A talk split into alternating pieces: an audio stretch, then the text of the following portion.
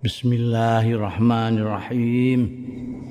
Walal muallif rahimahullah wa nafa'ana bihi wa bi ulumihi fid dharain amin. Faslun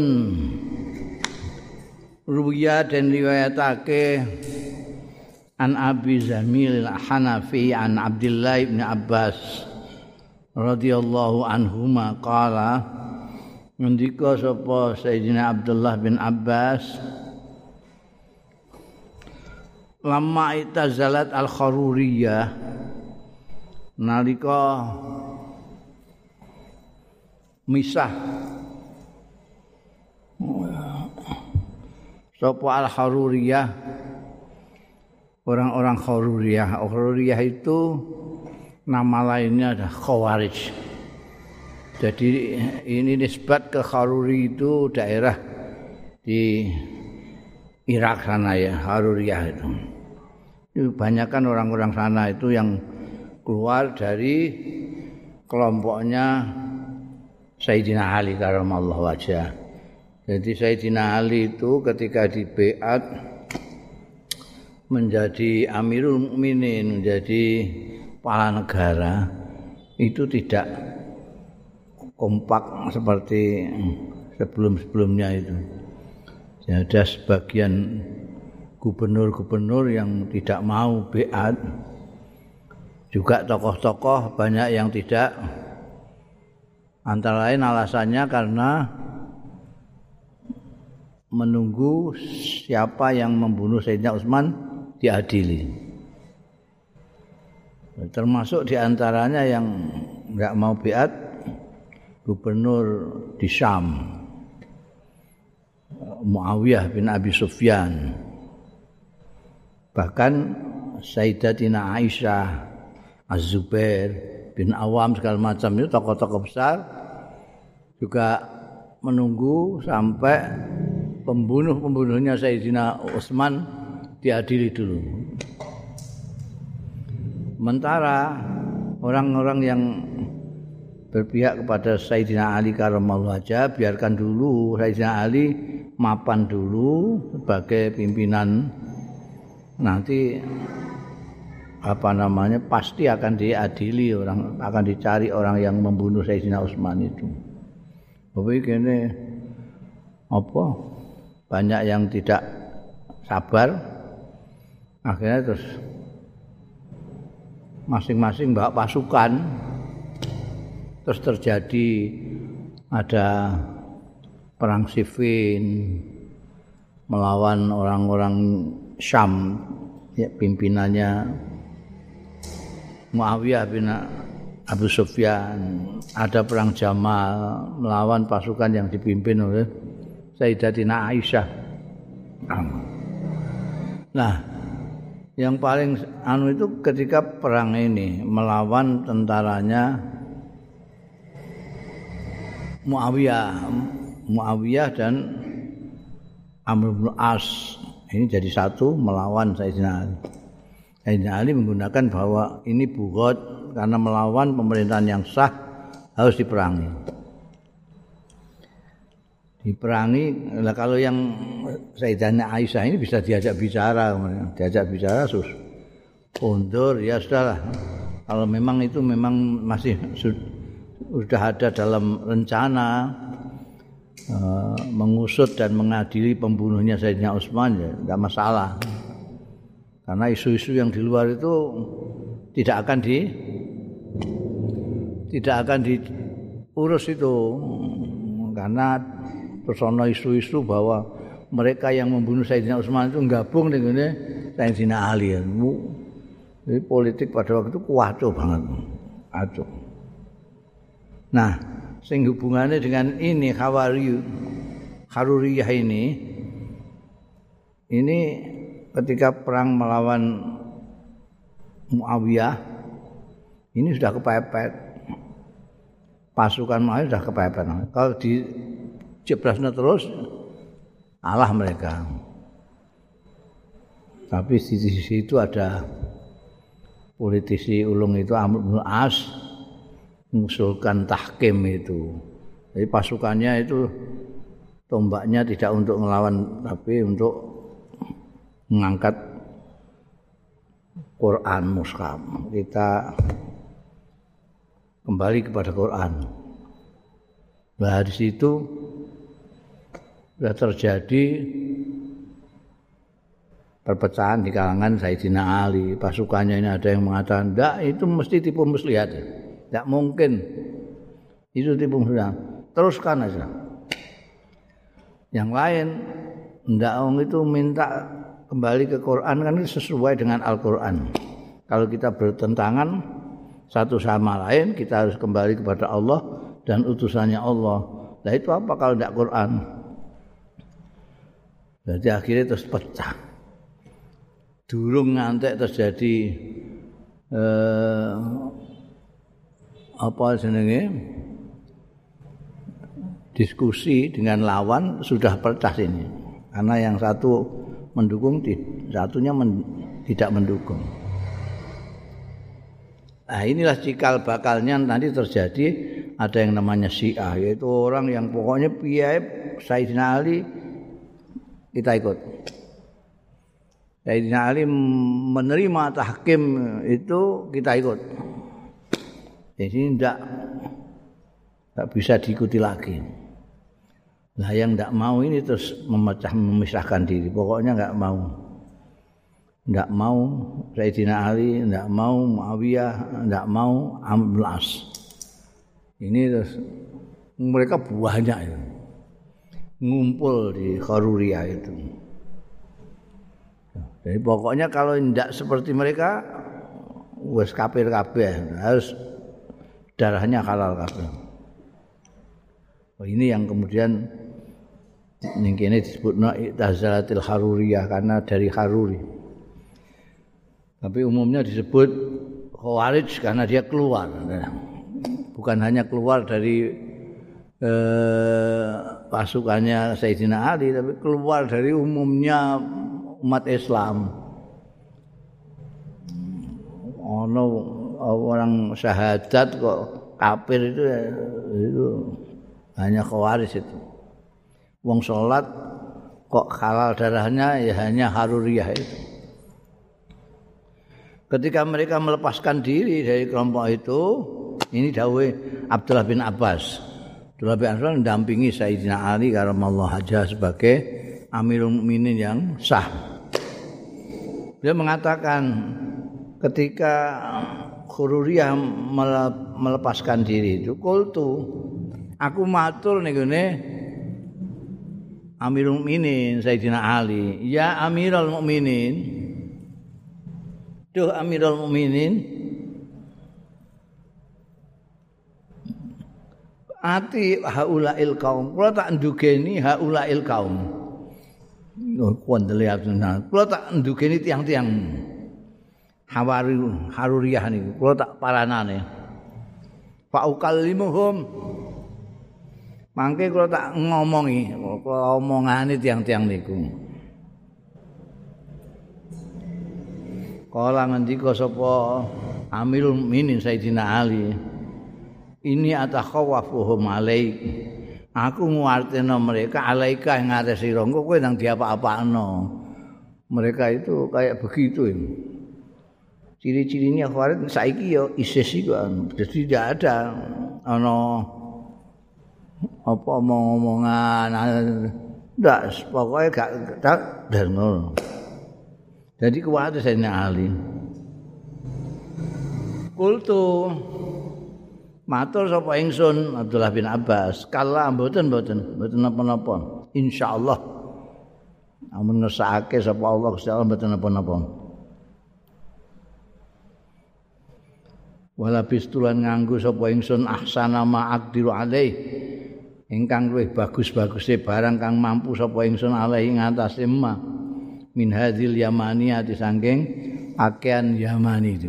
Oh, terkenal biyen pakaian dari Yaman itu.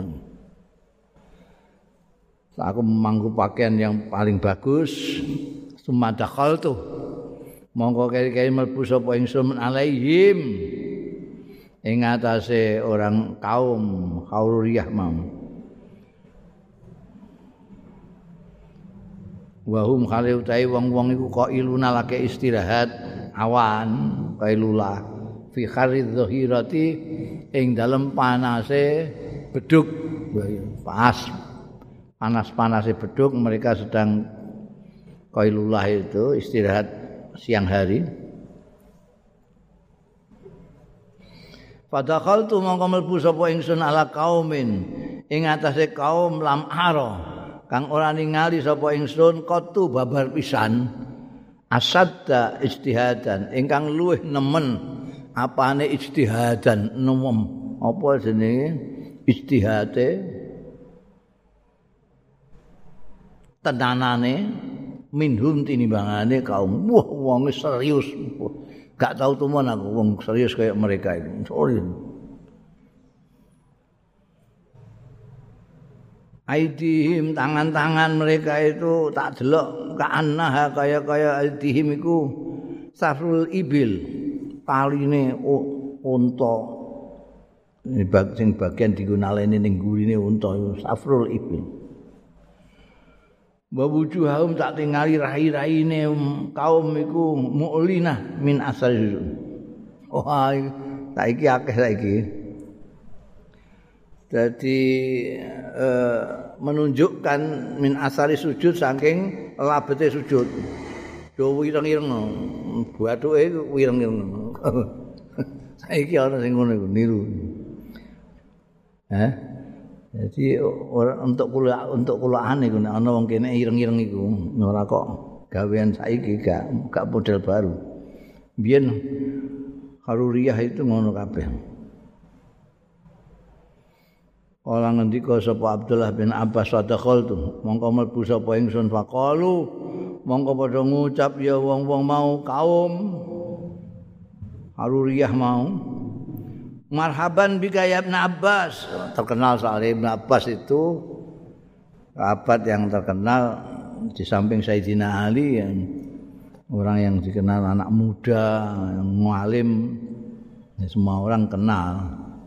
Mereka ini juga tarhib selamat datang kepada Ibn Abbas. Marhaban bika Jadi menyambut marhaban selamat datang marhaban bika. Ya Ibnu Abbasin he Ibnu Abbas maja abika utayo apa iku jaat teko sam ya ma bika kelawan sampean apa sampean rene?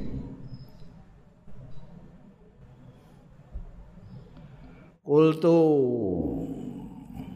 ngucap sapa ingsun jitu aku teko iki uhaditsukum arep ngomongi sapa ingsun ki isra kabeh. An ashabi Rasulillah.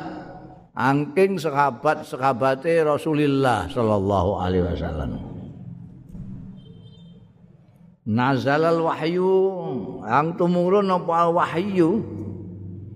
Kang tumurun apa al wahyu wahyu wahum khalau ashabu Rasulillah iku alam bi ta'wilihi.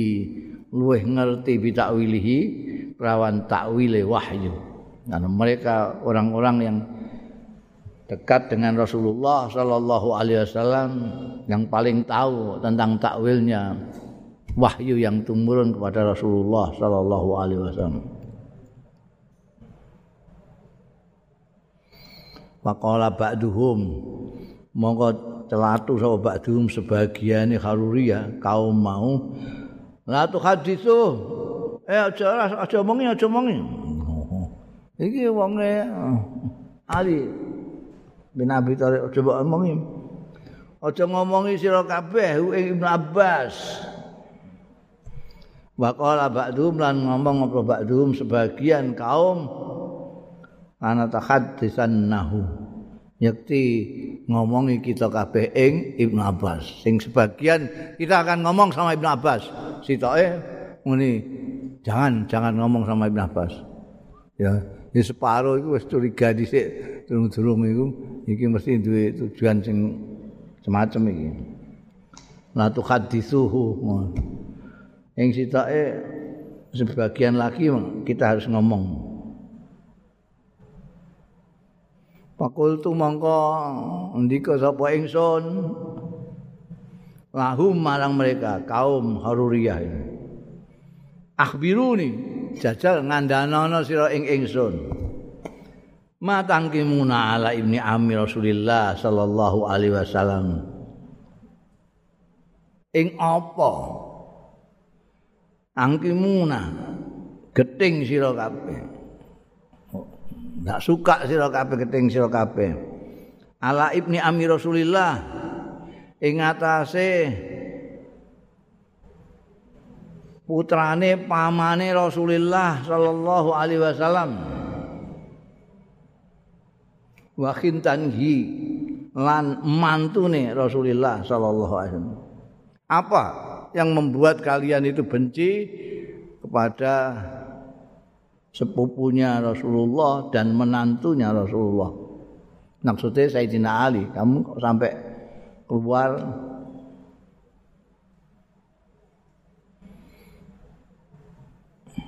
Wa ashabu Rasulillah.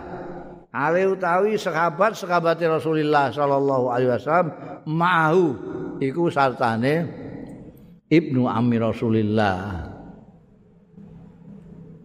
Kok kamu membenci kalian kok membenci sepupunya Rasulullah dan menantunya Rasulullah padahal sahabat-sahabat itu ikut beliau Kalau pada jawab ya wong-wong haruriyah mau. Nangki malai salasan. Kita benci malai ing atase Ibnu Amir Rasulillah salasan ing telu. Tiga hal yang membuat kita marah. Nah, suka sama dia. Kultu wa ma hunna. Dika sapa ingsun wa ma utahe apa hunna ya salasan. Telu iku apa ae?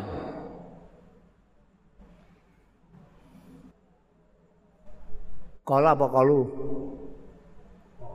Hah? Kola. Ini kok kola juga ini. Dik mau kolu, nangke mungkin ya, kolu tau, sing ngarep mau. Kolu nangke malih salasan mau loh. Kolu ya. Ya. Terus kultu, bamahuna. Terus ini kola apa kolu? Kala juga. Kok padha ngene. Ya wis nek kala ya salah seorang dari mereka. oh, wong iki omongane wong mereka kok. Hmm, ya. Sing dhisik mau muni kala saiki muni kala. Ya salah satu dari antara mereka ada yang jawab ngono. Aduh. Awaluhuna nek ana sing kalu malah apik iku dadi apa konsisten ambekan sing arep kalu nang ngene terus ditakoki apa saja terus kalu jawabe awaluhuna annahu haqqama rijal fi dinillah yang pertama yang kita benci itu adalah annahu satune ibnu ammi Rasulillah sallallahu alaihi wasallam iku hakama memutuskan mutusi ar-rijala ing wong-wong fi dinillah ing dalam agamane Gusti Allah. Gimana kok dia kok lalu menghukumi ini itu sendirian padahal waqat qala Allah taala teman-teman dawuh sapa Gusti Allah taala inil hukmu illa lillah ora ana hukum illa lillah kejaba agungane Gusti Allah Gusti Allah.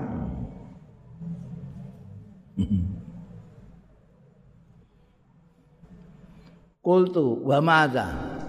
Kan apa neh? Oh jarimu telu. Itu iku nek gak ngukumi nganggo aturane Gusti Allah. Terus apa neh? Kalu, ini kalu apa kalah? Ya ada ya, gak konsisten.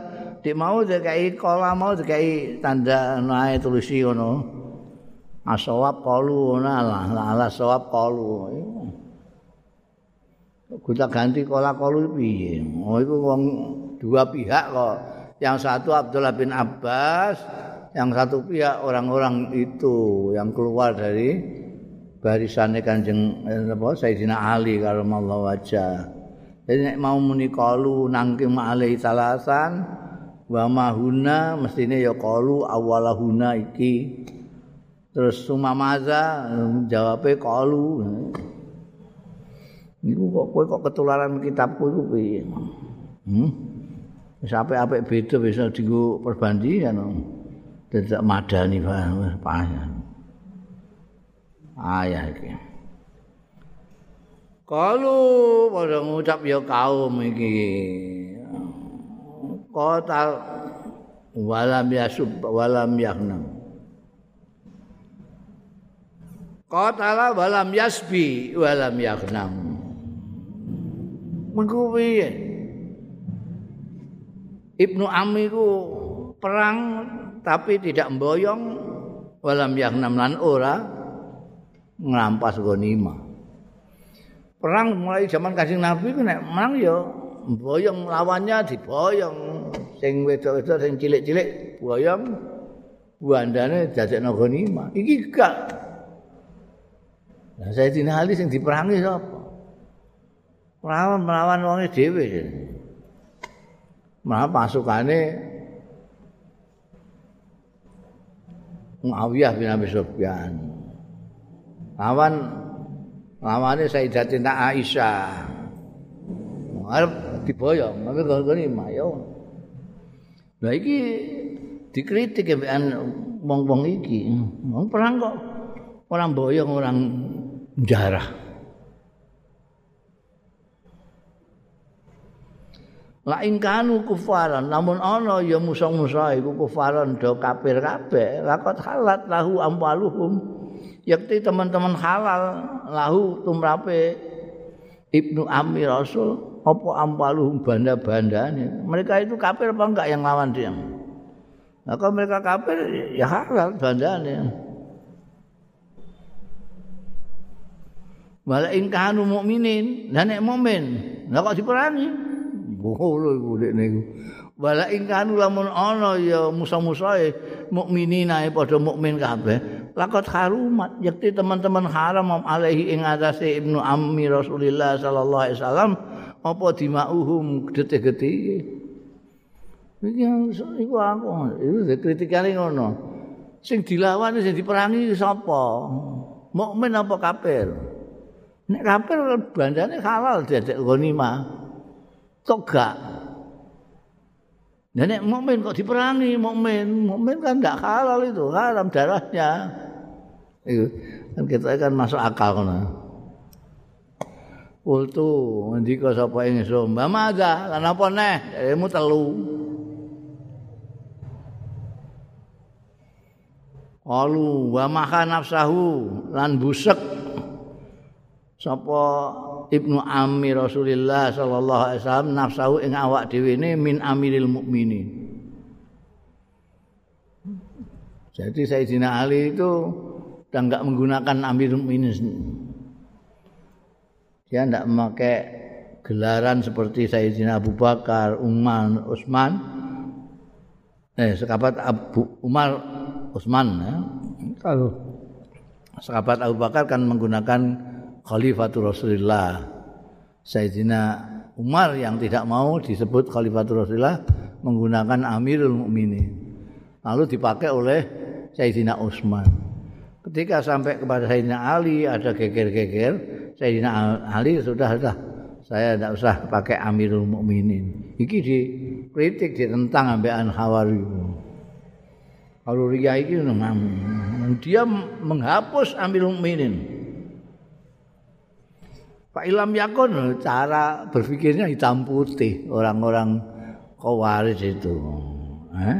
Haruriyah itu orang-orang yang hitam putih. Saiki ya isih ana sisa-sisa yang pikirannya kayak gitu. Bahkan sudah diramalkan kanjeng Nabi, belakang nanti ada orang bodoh tapi wah semangatnya beragama nemen banget. Nah, itu hitam putih mereka cara berpikirnya. Dia mengatakan, kenapa dia tidak mau menyebut dirinya Amirul Mukminin? Pak Ilham yakun Amirul Mukminin, mongko lamun ora ana ya Ibnu Ammi Rasulillah sallallahu alaihi wasallam ora ana iku Amirul Mukminin fahuwa mongko utawi ibnu amir Rasulillah sallallahu alaihi wasallam iku amirul kafirin. Oh. Berarti ini amirul kafirin gak amirul mukminin. Hitam putih. Nek gak gelem diarani amirul mukminin berarti ini amirul kafirin.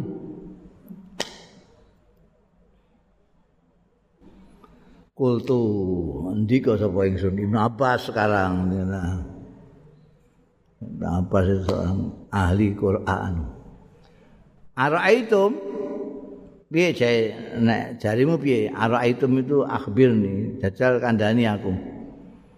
Ing tu alaikum. Lamun maca sapa ingsun alaikum ing atase sira kabeh min kitabillahil muhkam. Saking kitab Gusti Allah sing betul-betul sudah muhkam itu tidak perlu lagi eh, di apa namanya ditakwil-takwili dia sudah cetok muhkam.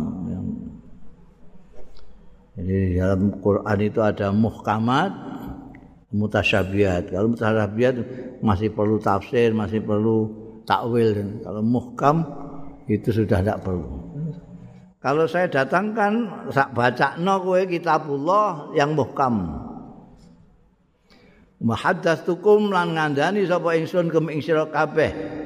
Min sunani nabiikum saking sunnah-sunnah nabi ro kabeh mala tungkirun sing ora iso ngingkari sira kabeh atal jiun ana kowe ana to bali sira kabeh menarik kembali kecamanmu itu tadi Oh itu tantangannya Abdullah bin Abbas.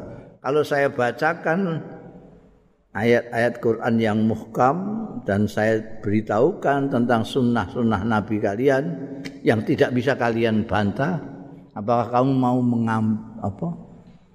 Mau menarik balik omongan mau yang tiga tadi itu. Kalau menjawab wong-wong, "Na'am." Ya, nek pancen iso. Kultu mongko ngendika sapa ingsun amma qaulukum ana dene ucapanira kabeh innahu hakamar rijal fi dinillah ndekne ibnu amir rasulillah sallallahu alaihi wasallam ngukumi wong-wong fi dinillah ing dalam agamane Gusti Allah. Fa innallaha taala. Mongko sedune Gusti Allah taala iku yakul dawuh Gusti Allah taala ya ayyuhalladzina amanu la taqtulus saida wa antum khurum. He wong-wong mukmin aja mateni sira kabeh as-saida ing buronan wa antum halil ta sira kabeh iku khurumun. Ini yang diinginkan Gusti Allah sapa? Wong-wong mukmin. Yang larang sapa? Gusti Allah. Ayat diwaca sampai wayahku mubi zawa adrid minkum. Pada saat ada kejadian hal-hal mengenai bagaimana ini penggantiannya eh, binatang buruan yang telanjur dibunuh pada saat ikhram harus diganti dengan yang semisalnya. Siapa yang menentukan semisalnya ini? yang semisalnya ini misalnya kijang di padakno wedhus sapa iku iku sapa sing mana ning ayat iki yahkumu bihi zawa adlin minkum yang hukumi bi dengan soal said itu zawa adlin minkum wong loro sing duweni adil minkum sing sira kabeh ini berarti hukum ditentukan oleh orang yaitu Zawa Adil ini kan orang. Kok saya Ali nggak boleh? Kamu tadi bilang. Wa qala fil mar'ati wa zawjiha. Lan dawuh sapa Gusti Allah taala fil mar'ati dalem wong wedon wa zawjiha. Lan bojone wong wedon. Dawuh in khiftum sikaka bainihima fab'atsu hakaman min ahlihi wa hakaman min ahliha. Iki sapa sing nentokna hukum?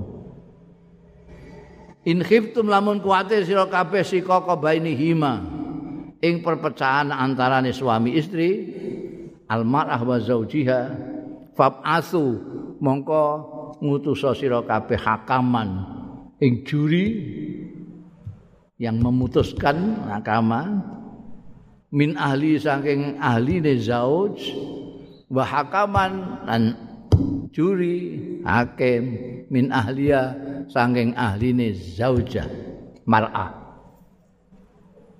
Iki kok Gusti Allah dhewe yang menentukan yang menyuruh ada orang yang memutuskan hukum yaitu hakaman min ahli wa hakaman min ahliha ini Gusti Allah sing ngendika padha karo mau dawa adrin iku ya wong. Diperintahkan Tuhan untuk menentukan hukum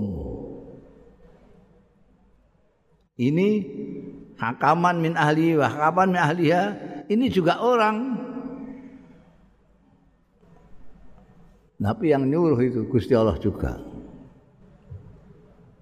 Ansudukumullah. Apa tahkimul rijal fi haqqihim fi haqqin dima'i ma anfusihim? Wa salahu dzati bainihim ahaq Aku saiki takon dengan sangat dengan hormat ansudukumullah iki. Apa tahkimul rijal ana penghakiman orang menyuruh orang dawa adlin, menyuruh hakaman min ahli wa hakaman min ahliya bihikni dimaihim ing dalam menghentikan darahnya untuk supaya tidak terjadi sikok tidak terjadi pertumpahan darah. Wa ampusim lan nyawa-nyawa rijal. Wa salahu dzatil bainihim.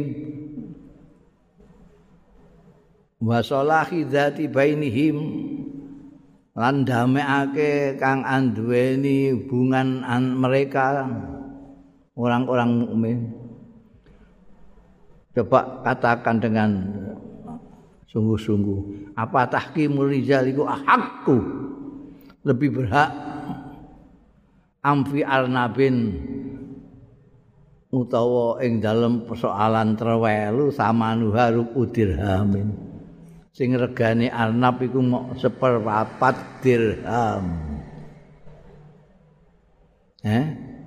Mana yang lebih? Mau persoalan terwelu regane anu bukarange kowe ditentokno ambekan pemerintah gak gelem. Berat nanti jajan ini menentukan hukum supaya tidak terjadi pertumpahan darah supaya terjadi perdamaian. Lebih berat mana Ditakoki ngono gak iso jawab. Qalu do matur ya kaum Allahumma fi haqqi dimaihim nggih mesti mawon. Ing dalem menahan pertumpahan darahnya orang-orang. Wasilati zati bainihim lan mendamaikan hubungan antara mereka. Kaya ning ayat in khiftum sikaka bainihima. Ini kan untuk mendamaikan mereka. Jangan sampai terjadi perpecahan sikok. Nah, barang mengakui apa yang disampaikan oleh Abdullah bin Abbas kala ngendika Abdullah bin Abbas akhrajtu akhrajtuhu min hadhi ana to ngetokno sapa ingsun hu ing masalah yang satu ini min hadhi saking iki yang pertama. Maksudnya berarti nek kowe nampa jawaban saya ini atas kritikanmu terhadap Amirul Mukminin Sayyidina Ali karramallahu wajah saya katakan tadi bahwa ayat-ayat itu adalah ayat-ayat untuk huknud dima dan solahu zatil bain. Dan itu ditentukan oleh orang menurut dawuh Gusti Allah yaitu oleh dawa adlin dan hakaman min ahlihi wa hakaman min ahliha. Mbok bandingno ambekan apa wong ngukumi terwelu regane seprapat dirham? Eh barang wis taslim berarti cocok aku bisa keluar kamu dari apa yang pertama kali kamu katakan. Kalau udah jawab Allahumma na'am. Eh artinya yang satu sudah terjawab. Mereka taslim. Wa amma qaulukum ana dene ucapan ira kabeh innahu qatala walam yasbi walam yakhnam. Dia itu Ibnu Ammi Rasulullah sallallahu alaihi wasallam iku perang tapi ora gelem boyong ora gelem jarah. Wong perang kok gak ana boyong ora ana jarah.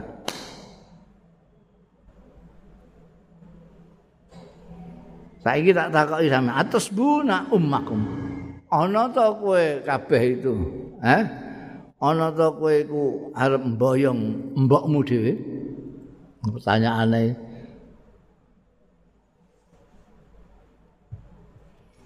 am tastakhiluna apa kowe ngalalno kabeh minha saing ummikum maing barang tastakhiluna sing ngalalno sira kabeh min ghairiha saking liyane mbokmu Mbok padakno mbokmu karo wong wedok-wedok liyane. Dadi kena mbok boyong mbokmu. Fa ing kultum na'am fakot kafartum. Lamun jawab sira na'am iya. Mbokmu mbok boyong dhewe. Dadekno boyongan, dadekno budak jariah segala macam mbokmu. Mbok jawab iya, fakot kafartum. Monggo teman-teman kufur sira kabeh. Wa ing kultum lamun ngucap sira kabeh nek mbok jawab innaha satune wedok iku laisat ummikum. Ora ana ya wedok iku, ora ana iku ummakum mbokmu. Nek kowe menganggap iku dudu mbokmu, fakot kafartum, kamu juga kafir. Bakarastum lan metu sira kabeh minal Islam. Lho kok ngoten? Lho innallaha setuhune Gusti Allah taala. Yaqulu dawuh sapa Gusti Allah taala, "An-nabiyyu aula bil mu'minina min anfusihim." Utawi Nabi Muhammad sallallahu alaihi wasallam. Iku aula. Luweh berhak luweh utama bil mukminina kelawan wong-wong mukmin. Min anfusihim tinimbangan awak-awak dhewe mukminin.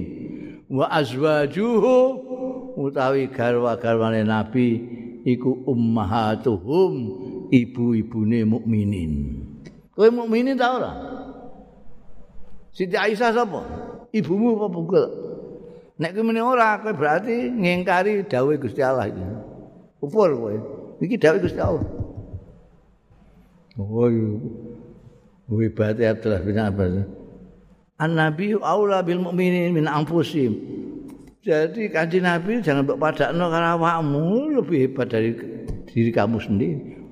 Istri-istrinya adalah ibu-ibu kamu. Nah saya ini gak mbok anggap mbokmu. Nek mbok anggap mbokmu, kok mbok boyong, kufur kowe. Orang mbok anggap mbokmu, padahal Quran menyebutkan dia mbokmu. Kowe mau minta orang. wa antum mutai sira kabeh iku tarat tatarat daduna kowe iku go jagadeg tatarat daduna baina dolalatain kamu itu maju mundur sira kabeh baina dolalatain antarane sesat dua sesat dua ayo nganggep mbok apa gak nganggep mbok sesat orang nganggep mbok sesat Pahtaru saiki milih sira ayatahuma ing salah sijine dolalaten siktum sing karep sira kabeh. Meneng ae denger-denger. Piye? Akhrajtuhu min hadhi. Ana ta teman-teman ngetokno sapa ingsun? Ing masalah iki min hadhi saking telumu sing mbok kandakno mau. qalu Allahumma na'am. Nggih sekali siji saiki. Yang loro wis mbok tokno saka tiga hal ini. Wa amma qaulukum ana dene ucapanmu. Maha nafsahu min amiril mukminin Ibnu Ammi Rasulillah sallallahu alaihi wasallam menghapus nafsu ing awak dhewe ne Ibnu Ammi Rasulillah min Amiril Mukminin saka gelar Amirul Mukminin. Kowe gak eling Pak. Inna Rasulullah monggo setune Kanjeng Rasul sallallahu alaihi wasallam. Da'a itu ngundang apa Rasulullah Quraisyan ing wong Quraisy. Yaumal Hudaybiyah ana ing dina Hudaybiyah. Pada waktu perang apa? Peristiwa Hudaybiyah. Perjanjian Hudaybiyah yang Kanjeng Rasul sallallahu alaihi wasallam dan sekabat-sekabatnya akan umroh terus diadang sama orang kafir Mekah tidak boleh. Terus diadakan perjanjian di Hudaybiyah itu. Da'a Quraisyan yaumal Hudaybiyah ala ayyaktub bainahu wa bainahum kitaban. Kanjeng Nabi waktu itu terus mengajak, ayo kita sekarang menulis perjanjian antara kita antara kaum muslimin dan kalian orang-orang kufar Mekah. Ala ayat tuba yang itu nulis Ayuk taba bainahu wa bainahu saja eh? Ditulis bainahu antarane nah, ayat tuba bisa kures bisa kanjeng Rasul sallallahu alaihi wasallam bainahu antarane Kanjeng Rasul sallallahu alaihi wasallam wa bainahu lam antarane wong Quraisy. Nulis kitaban ing kitab. Surat perjanjian. Pakola monggo dawuh sapa Rasulullah sallallahu alaihi wasallam mendiktekan surat perjanjian itu. Uktub tulislah. Waktu itu yang suruh nulis justru Sayyidina Ali karena Allah wajah juru tulisnya pada waktu perjanjian Hudaybiyah kebenaran Sayyidina Ali. Uktub sing didawi uktubnya kan Sayyidina Ali. Tulis ada maqadha alaihi Muhammad utawi iki iku barang qadha sing mutusake alaihi ngatasé ma sapa Muhammadun Rasulullah tulis ngono ini adalah sesuatu yang diputuskan oleh Muhammad Rasulullah. Tulis. Pakalu mongko pada celatu ya wong-wong Quraisy. Usik, usik. Kok Muhammad Rasulullah itu piye? Wallahi demi Allah, laukunna la'nam. Laukunna lamun ana kita, ana iku nak lamu ngerti kita. Annaka tulis sira iku Rasulullah utusane Gusti Allah. Maksud naka anil bait ora ngalang-alangi kita ka ing sira anil bait saking Baitullah. Ora tak adang ning Hudaybiyah kene gak entuk mlebu Mekah gak entuk ning gone Baitullah. Nek kowe pancen kami akui sebagai Rasulullah. Kok tulis Muhammad Rasulullah Wala kotal naka lan ora merangi kita ing sira. Nek kita semua itu taslim bahwa kamu memang Rasulullah, ya kita enggak enggak akan ngalang-alangi kamu ke Baitullah, tidak akan merangi kali kamu.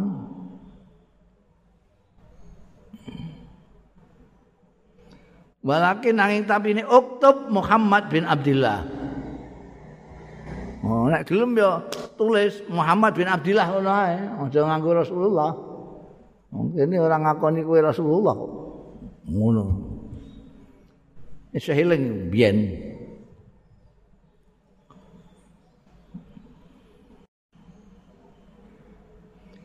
Pakola mongko dawuh Kanjeng Rasul sallallahu alaihi wasallam nalika iku. Wallahi demi Allah ini sedune ingsun la Rasulullah. Yakti ku pancen utusane Gusti Allah. Aku pancen utusane Gusti Allah. Wa ing kadzabtumuni antum. Senajan nggorohno sira kabeh ing ingsun, antum ya sira kabeh. Meskipun kalian menggorohkan saya ini tetap utusane Gusti Allah. Kanjeng Nabi ngendika niku Sayyidina Ali, "Uktub ya Ali Muhammad bin Abdullah." Dalam perjanjian itu kanjeng Nabi busak kalimat Rasulullah dan minta supaya Sayyidina Ali menggantinya dengan Muhammad bin Abdullah sesuai permintaannya orang-orang Quraisy. Pada waktu itu Sayyidina Ali ya kemeropok ngamuk juga itu. Para Rasulullah monggo utahe Kanjeng Rasul sallallahu alaihi wasallam kana ana ya Rasulullah iku afdhala luweh utama min aliyin tinimbangane Sayyidina Ali. Ya enggak? Ya, ya, ya. Saya kanjeng Nabi itu aja busak Rasulullah. Nama Sayyidina Ali apa lebih baik daripada saya kanjeng Rasul? Enggak. Rasulullah afdal min Ali. Piye? Akhrajtuhu min hadhi. Bisa saya mengeluarkan ini yang kamu persoalkan ini min hadhi saking tiga yang kamu bilang tadi. Qalu Allahumma na'am. Jadi tiga-tiganya sudah bisa keluar semua. Allahumma na'am semua. Oh, itu hebatnya Abdullah bin Abbas ya ngadepin. Dan hasilnya apa? Faraja minhum mongko bali minhum saking kharuriyah itu isruna alfan. 20 ribu pengikutnya Khawarij yang balik karena ini tadi hebatnya Abdullah bin Abbas. Ini juasa yang besar sekali. Kalau tidak itu lebih mengerikan itu orang Khawarij itu 20 ribu. Sisanya sing isih ngeyel itu wabakia minhum lan isih keri minhum saking haruriyah apa arbaatu alafin? Empat ribu. Yang masih ngeyel merangi Sayyidina Ali pasukan Sayyidina Ali itu empat ribu. Yang dua puluh ribu sudah taslim. Karena apa namanya jasanya Abdullah bin Abbas tadi. Sing empat ribu itu tetap merangi fakutilu mongko ya diperangi. Akhirnya karek telu. Karek telu. Itu orangnya itu. Itu yang seperti dikatakan Abdullah bin Abbas itu. Orangnya itu serius. Asad tu istihadan orangnya ciri-cirinya buat tuh ya no ireng-ireng itu wali ngibadahe kenceng tapi ya itu nggak bisa berpikir jernih hitam putih.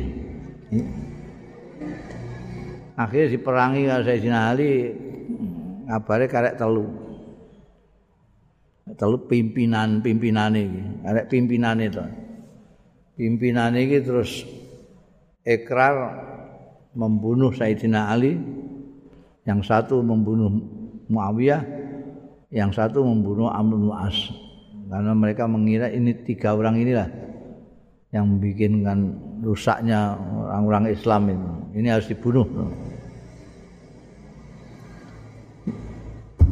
Yang dua tidak berhasil, Muawiyah tidak, tidak, tidak berhasil, Amr bin As tidak berhasil, Sayyidina Ali berhasil terbunuh sih.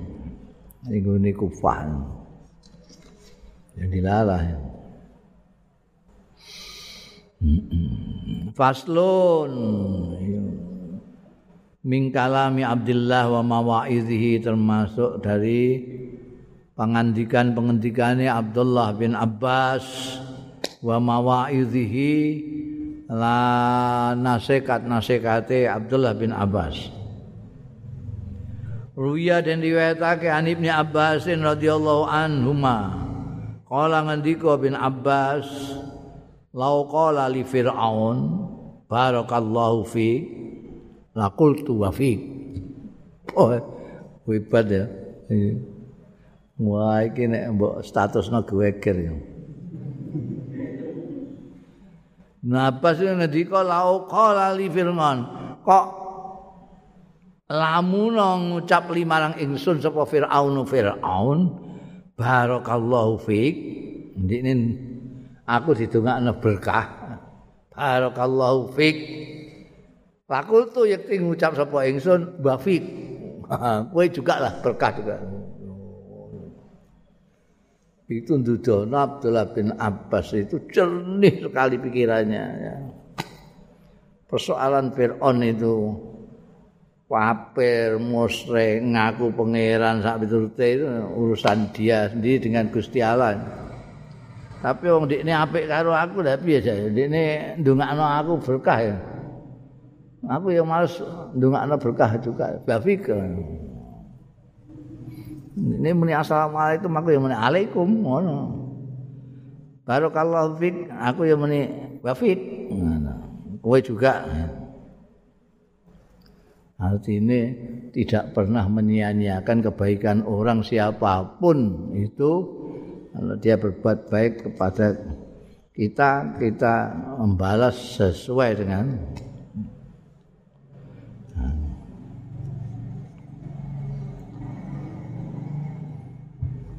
kelingan zaman Kanjeng Nabi Muhammad sallallahu alaihi wasallam dianuno karo wong Yahudi, wong Yahudi iku kurang ajar.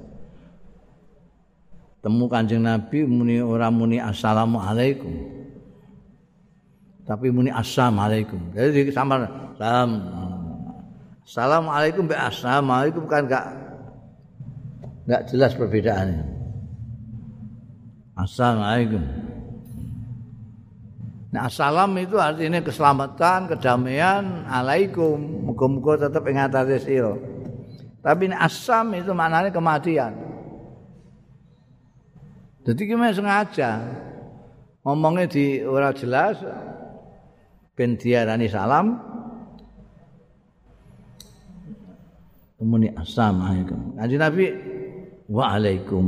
Ono anu waalaikum.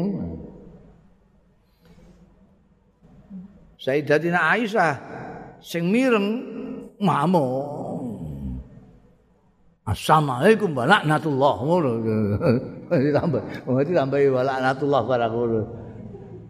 Eh ngono iku dilokno mek Kanjeng Nabi ya. Aja ngono kenemenen. Lho, jenengan mboten mireng rumah saya. Mboten mireng, niku wong mboten assalam, niku asam. Iya aku krungu. Ya aku sing jawab ngono, aku muni alaikum ngono kok. Waalaikum lah. Nek ndek ndekne ndongakno sam ya alaikum ndekne ya kena juga mau aku muni alaikum wis satu-satu ya kok tambahi laknatullah iku dua satu itu nabi Iya bin Abbas malah Firnon. Ya Firnon harus mati ya. Mbok bakas dodol apa? Mesti ae wong Firnon harus mati. Ngono jare. Ini wong sing gak setuju ngono. Ya Firnon harus mati. Jajal iki urip. Ndak arep mbok jawab Bafik ngono. Dipadoni kono Abdullah bin Abbas. Wa an ibni Abbasin qala Ma min mu'minin wala fajirin illa waqad kataballahu rizqu wa minal halal. Oh ya. Ma min mu'minin ora seorang mukmin pun. Wala fajirin dan orang lacut pun. Mukmin maupun orang yang jahat. Illa waqad kataballah. Kejaba teman-teman wis nentukan sapa Allah Gusti Allah rizqahu ing rezekine mukmin lan fajir. Minal halal sing halal fa in sabara hatta ya'tiyahu atahullah. Lamun sabar sapa mukmin utawa fajir hatta ya'tiyahu sehingga nekani ya rezeki halal mau ing mukmin utawa fajir atahu. Mesti maringi sapa hu ing mukmin utawa fajir sapa Allah Gusti Allah. Wa in jazaa fata wali ane wa in jazaa monggo lamun ora sabar. Patanawala monggo jupuk ngalap. Iya mukmin utawa fajir saean ing apa-apa minal haram saking haram. Nakasahullahu min rizqil halal. Mongko ngurangi ing wong mau fajir sik mukmin mau sapa Allah Gusti Allah min rezeki saking rezekine. Al halal sing halal ya. Jadi gak mukmin gak fajir itu sudah ditentukan rezekine oleh Gusti Allah taala iku. Percuma kowe nek dadakan sikil sikil mbok sirah-sirah mbok sikil nututi rezeki rezeki itu wis ditentokno semua. Dari ditentukan oleh Allah sendiri. Karek kita ini sabar apa enggak Tuhan sudah menentukan sekaligus waktunya nah kita itu kan enggak maunya ya sekarang kok kok enak temen oh iku rezekine Gusti Allah kowe sing nentok-nentokno Gusti Allah sing nentokno. Nek kowe sabar dipepesti diparingi. Ana wis enek iku. Wong Gusti Allah iku sing nitahno kita kok. Kan Allah yang menitahkan kita, masa dibiarkan saja? Eh? Kowe tak gawe ini cah terus anjiarna ben mati kaliren. Enggak. Kau ngono iku. wong mbok ae gak ono sing ngono apalagi Gusti Allah Gusti Allah itu welas asih ning gone manusa itu 99 welas asih mbok sak jagat rat welas asih bojo sak jagat rat welas asih jaran ning gone belone Ya itu. Itu cuma satu. 99 welas asih Gusti Allah, satu dibagi wong alam dunia orang-orang yang belas kasihan belas kasihan kepada orang itu.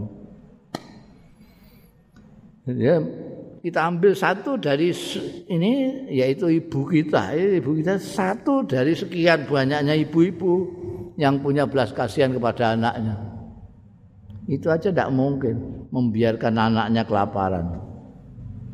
apalagi Gusti Allah terhadap hambanya. Cuma Gusti Allah menentukan rezeki itu sak waktunya sekaligus yang kita tidak tahu apa. Karena pertimbangan pendengaran Gusti Allah Ta'ala. Yang jelas untuk kepentingannya hamba-hambanya. Angger gelem sabar, mesti datang. nek gak sabar terus dadak njikuk-njikuk sing haram barang wah malah kelangan sing halal wa qala ngendika sapa Abdullah bin Abbas alaika bil faraid? Ana tepono sira bil faraidi kelawan kefarduan-kefarduan.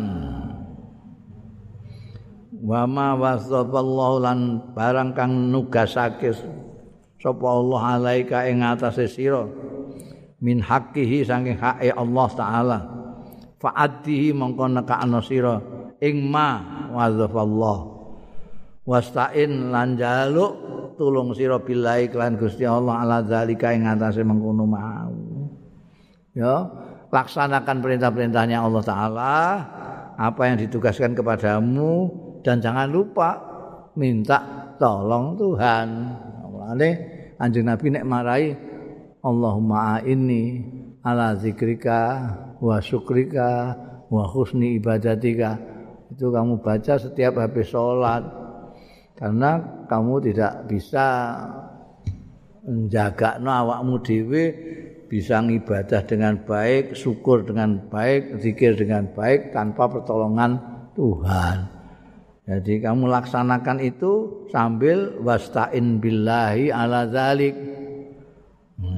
Parani Kanjeng Nabi Allahumma a'inni ala zikrika wa zikrika wa husni ibadatik.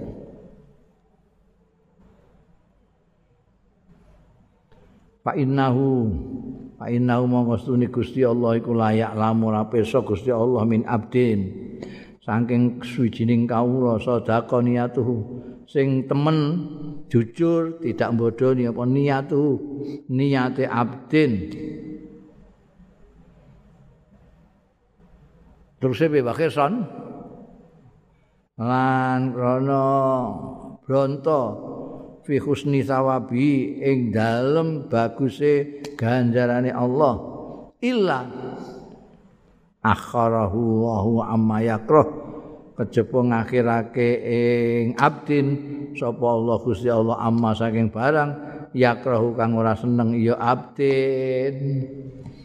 Wa huwa al malik yasna'u wa huwa ta Gusti Allah iku kang kagungan segalanya. Yasna'u nindakake sapa Allah ma ing barang yasau kang ngersakake sapa Allah. Ya dadi nek kowe ku apa niatmu apik golek sawabe Gusti Allah taala maka Allah akan menjauhkan kamu dari sesuatu yang tidak kamu sukai. Kabeh itu Gusti Allah apa saja yang eh, berlaku apakah kita itu ketok yang melakukan atau orang lain itu sak benere itu Gusti Allah kabeh sing musak masikno ati musak masikno perilaku kita Gusti Allah kabeh. Mulane kita ndak boleh apa sama sekali tidak gandul Gusti Allah itu. Muraqabah itu penting sekali.